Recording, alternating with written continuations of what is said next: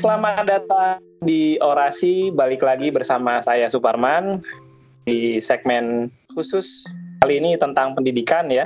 Kita mau interview sedikit sama tokoh yang fenomenal nih. Nah, mudah-mudahan para pendengar sekalian bisa nanti mengambil manfaat dari obrolan-obrolan ringan ini. Langsung saja mungkin uh, kita sambut Pak Steven Sutantro. Iya. Yeah. Ya, halo semuanya. Malam. Malam Pak oh, Suparman. Gimana kabarnya Pak Steven? Baik, baik. Seru-seru banget hari ini. Gimana gimana Pak Suparman? Kan Pak Steven nih populer banget ya di baik di dunia uh, nyata maupun di dunia sosial ya. Jadi gerakan-gerakannya atau movementnya tuh betul-betul impactful gitu, menginspirasi. Gua eh, cerita sedikit nggak? Awalnya gimana sih uh, milestone perjalanan Pak Steven ini? Oke, saya cerita ya Pak Suparman. Jadi saya mulai uh, perjalanan saya ini dari apa namanya waktu itu waktu saya jadi guru, saya ngajar dan saya suka banget nerapin teknologi. Saya ngajar social study IPS waktu itu dan saya suka banget nerapin banyak macam teknologi gitu ya. Dan sampai akhirnya setelah saya ngajar tuh saya juga terlibat dalam komunitas Google Educator Group saya suka nulis blog saya suka explore-explore teknologi baru gitu ya. Dan akhirnya membuat saya menemukan bahwa ini passion saya ini yang saya mau lakukan dan akhirnya saya benar-benar mengambil keputusan untuk berkecimpung di dalam ini uh, dunia ini di bidang teknologi pendidikan ini. Orang istilahnya sekarang educational teknologi dan misi saya satu saya pengen banget supaya orang-orang bisa bijak menggunakan teknologi cerdas menggunakan teknologi supaya mereka bisa menggunakan teknologi itu menjadi uh, membuat mereka memperluas dampak mereka di baik di dunia maya maupun di dunia nyata gitu ya. Jadi kalau cerita singkatnya seperti itu, uh, mungkin begitu Pak Suparman. Iya, boleh lebih deep lagi nggak Pak Steven? Dulu Pak Steven nih sekolahnya di mana? Mungkin dengan tahu sekolahnya di mana, wah ternyata bisa ini ya, bisa menginspirasi gitu. Oh ternyata lulusan ini bagus juga gitu. Gimana? baik, baik. Jadi saya waktu itu lulusan dari Universitas Pelita Harapan di UPH. Saya ambil program Teachers College. Waktu itu memang pendidikan background saya. Jadi setelah saya saya lulus empat tahun, setelah itu uh, saya memang ditempatkan di salah satu sekolah di uh, Yayasan Pendidikan Pelita Harapan ya di salah satu sekolahnya di sana. Setelah itu saya juga gabung di Sampurna Academy. Saya ngajar selama tujuh tahun pak. Seperti itu mungkin. Wah, luar biasa.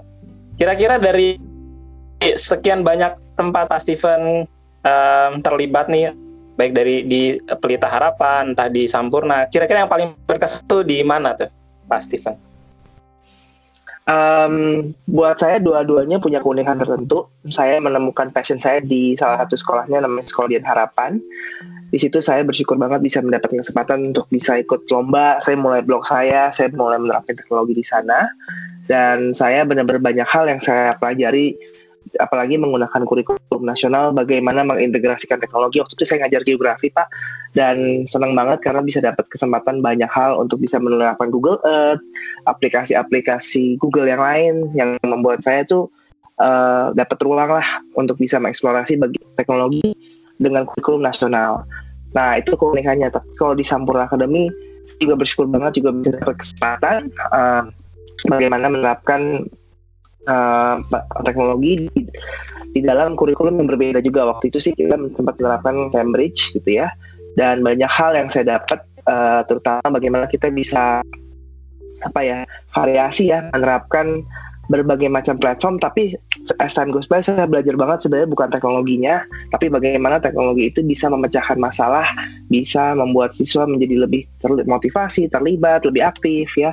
Dan di situ saya banyak belajar di dua sekolah itu dengan cara yang unik dan berbeda. Seperti itu Pak. Oke terima kasih Pak Steven. Nah selanjutnya nih Pak Steven. Uh, menurut Pak Steven nih uh, dengan era yang sekarang ini anak-anak tuh yang paling tepat tuh cara ngajarnya gimana ya? Atau teknologi apa yang paling bagus untuk diterapkan di sekolah atau buat anak-anak gitu? Oke, bagi saya sih yang terpenting nomor satu sebelum kita mau menerapkan cara apa, bagaimana cara melakukan teknologi adalah bagaimana uh, apa sih sebenarnya yang um, pertama kita harus gali adalah mengapa kita menerapkan teknologi. Jadi uh, kita harus lihat dulu misalnya siswa kita itu seperti apa, kebutuhannya apa, apa sih yang mereka minati. Jadi jauh-jauh bukan teknologi kita jangan mulai dengan teknologi apanya dulu, tapi mengapa sih kita mau nerapin teknologinya. Jadi misalnya itu kita explore dulu kebutuhan siswa kita apa, terus kenapa kita butuh teknologi itu untuk memecahkan masalah apa? Oh misalnya untuk supaya meningkatkan partisipasi, untuk memotivasi siswa atau untuk meningkatkan kolaborasi. Jadi kita harus tahu dulu kebutuhannya apa. Baru setelah kita tahu kebutuhannya apa, kita bisa cari tools yang dapat teknologi uh, teknologi yang dapat membantu kita untuk mencapai tujuan tersebut.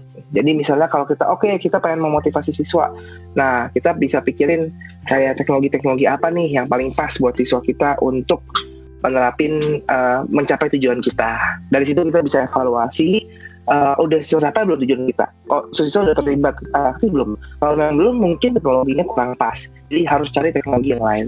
Mungkin seperti itu pak gambarannya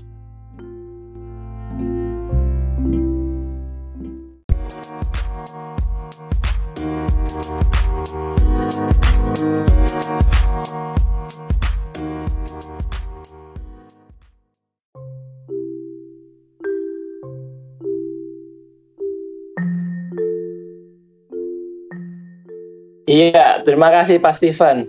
Uh, hmm. Ada yang menarik nih Pak Steven. Jadi kalau misalnya memang tergantung dari kebutuhannya, tapi kan sekarang nih teknologi semakin berkembang.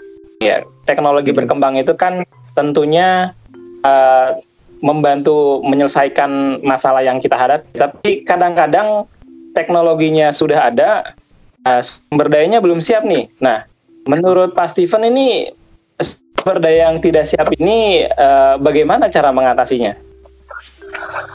Uh, baik nomor satu sih yang saya harus lihat kalau kalau kita lihat di sekolahnya dulu yang terpenting sih saya sih selalu rekomendasi mulai dari leadersnya dulu pak ya dari kepala sekolah dari pimpinan sekolah maupun lokal kepala sekolah yang penting mereka juga harus nomor satu mereka harus bisa uh, mempersiapkan hal itu gitu ya mempersiapkan sumber dayanya. Jadi ini melibatkan berbagai macam pihak, tapi nomor satu saya selalu mulai dari uh, para pemimpin sekolah dulu Pak. Bagaimana mereka punya visi untuk bisa uh, betul-betul menerapkan teknologi ini.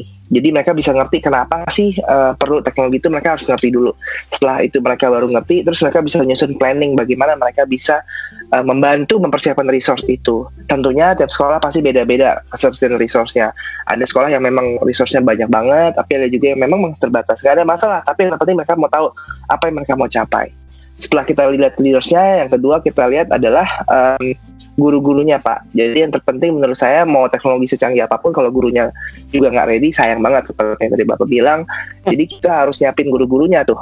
Uh, jadi bahkan dari guru sendiri kalau tanya dari guru bagaimana apa yang harus disiapkan sebagai guru ya mereka perlu harus uh, menerapkan um, apa namanya mereka juga harus bela uh, belajar ada willingness ada kemauan untuk mau belajar jadi yang terpenting bagaimana mereka mau belajar di sekolah mereka, mereka mencari berbagai macam sumber, mereka juga bisa uh, mengikuti banyak pelatihan dan yang tertentu tentunya mereka pun juga harus berani menerapin teknologi-teknologi yang mungkin mau dimulai dari yang sederhana dulu gitu ya. Jadi kalau menurut saya sih uh, dengan apa resource apa pun, jadi dua hal uh, baik ke pemimpin maupun guru harus bekerja sama untuk bisa menerap uh, berkolaborasi lah menerapkan perubahan di sekolah tersebut. Seperti itu, Pak menarik Pak Steven soal kolaborasi. Makna kol kolaborasi menurut Pak Steven tuh gimana sih? Apakah kolaborasi itu ya sama-sama bekerja atau bagaimana ya? Kalau menurut saya sih kolaborasi lebih tepatnya adalah bagaimana kita bisa saling uh, bekerja sama, bisa saling mau uh, mendengar dan bisa saling apa ya terbuka lah untuk masukan untuk kita mau bisa uh, bekerja sama. Ini saya mau saya mau ambak mau analogikan seperti misalnya kayak kita berkolaborasi di Google Docs. Pak Suparman pasti pernah dong pakai Google Docs. Nah, oh, pasti. jadinya misalnya pasti dong ya. Seperti kolaborasi yeah. Google Docs yang pertama ya kita harus yang uh, memberikan uh, kalau mau saya analogikan memberikan kemampuan untuk saling mengedit dengan yang lain. Kan ketika Bapak share dokumen ke Google Docs, okay. Bapak apa ya memberikan orang itu akses supaya dia bisa mengedit. Nah, sama hal tersebut Pak. Jadi kalau menurut saya bagaimana kita uh, secara pribadi itu bisa saling mengedit dalam tanda kutip ya mengedit itu adalah kita saling memberikan masukan memberikan komentar bisa saling bekerja sama bisa saling kayak memberikan kontribusi dan menurut saya sih itu analogi yang pas karena itu yang terpenting pak. Uh, sebagai guru maupun sekolah mereka harus saling bekerja sama untuk mencapai tujuan tertentu. Jadi yang terpenting mereka juga harus ada tujuan dong. Ini apa yang harus dikom dicapai dalam ininya supaya bisa bersama-sama. Seperti itu pak. Luar biasa. Saya dapat pencerahannya dari dari, dari Pak Steven nih. Filosofi Google Docs. Jadi secara pribadi uh, ya memberikan akses ke semua untuk bisa mengedit memberi masukan hmm. kontribusi untuk mencapai tujuan luar biasa pasti luar biasa tapi um, mungkin beberapa pertanyaan lagi kali ya jadi ya, kalau soal kolaborasi karena saya saya lihat postingan Pak Steven nih luar biasa concern akhir-akhir ini soal soal Earth ya, soal bumi gitu.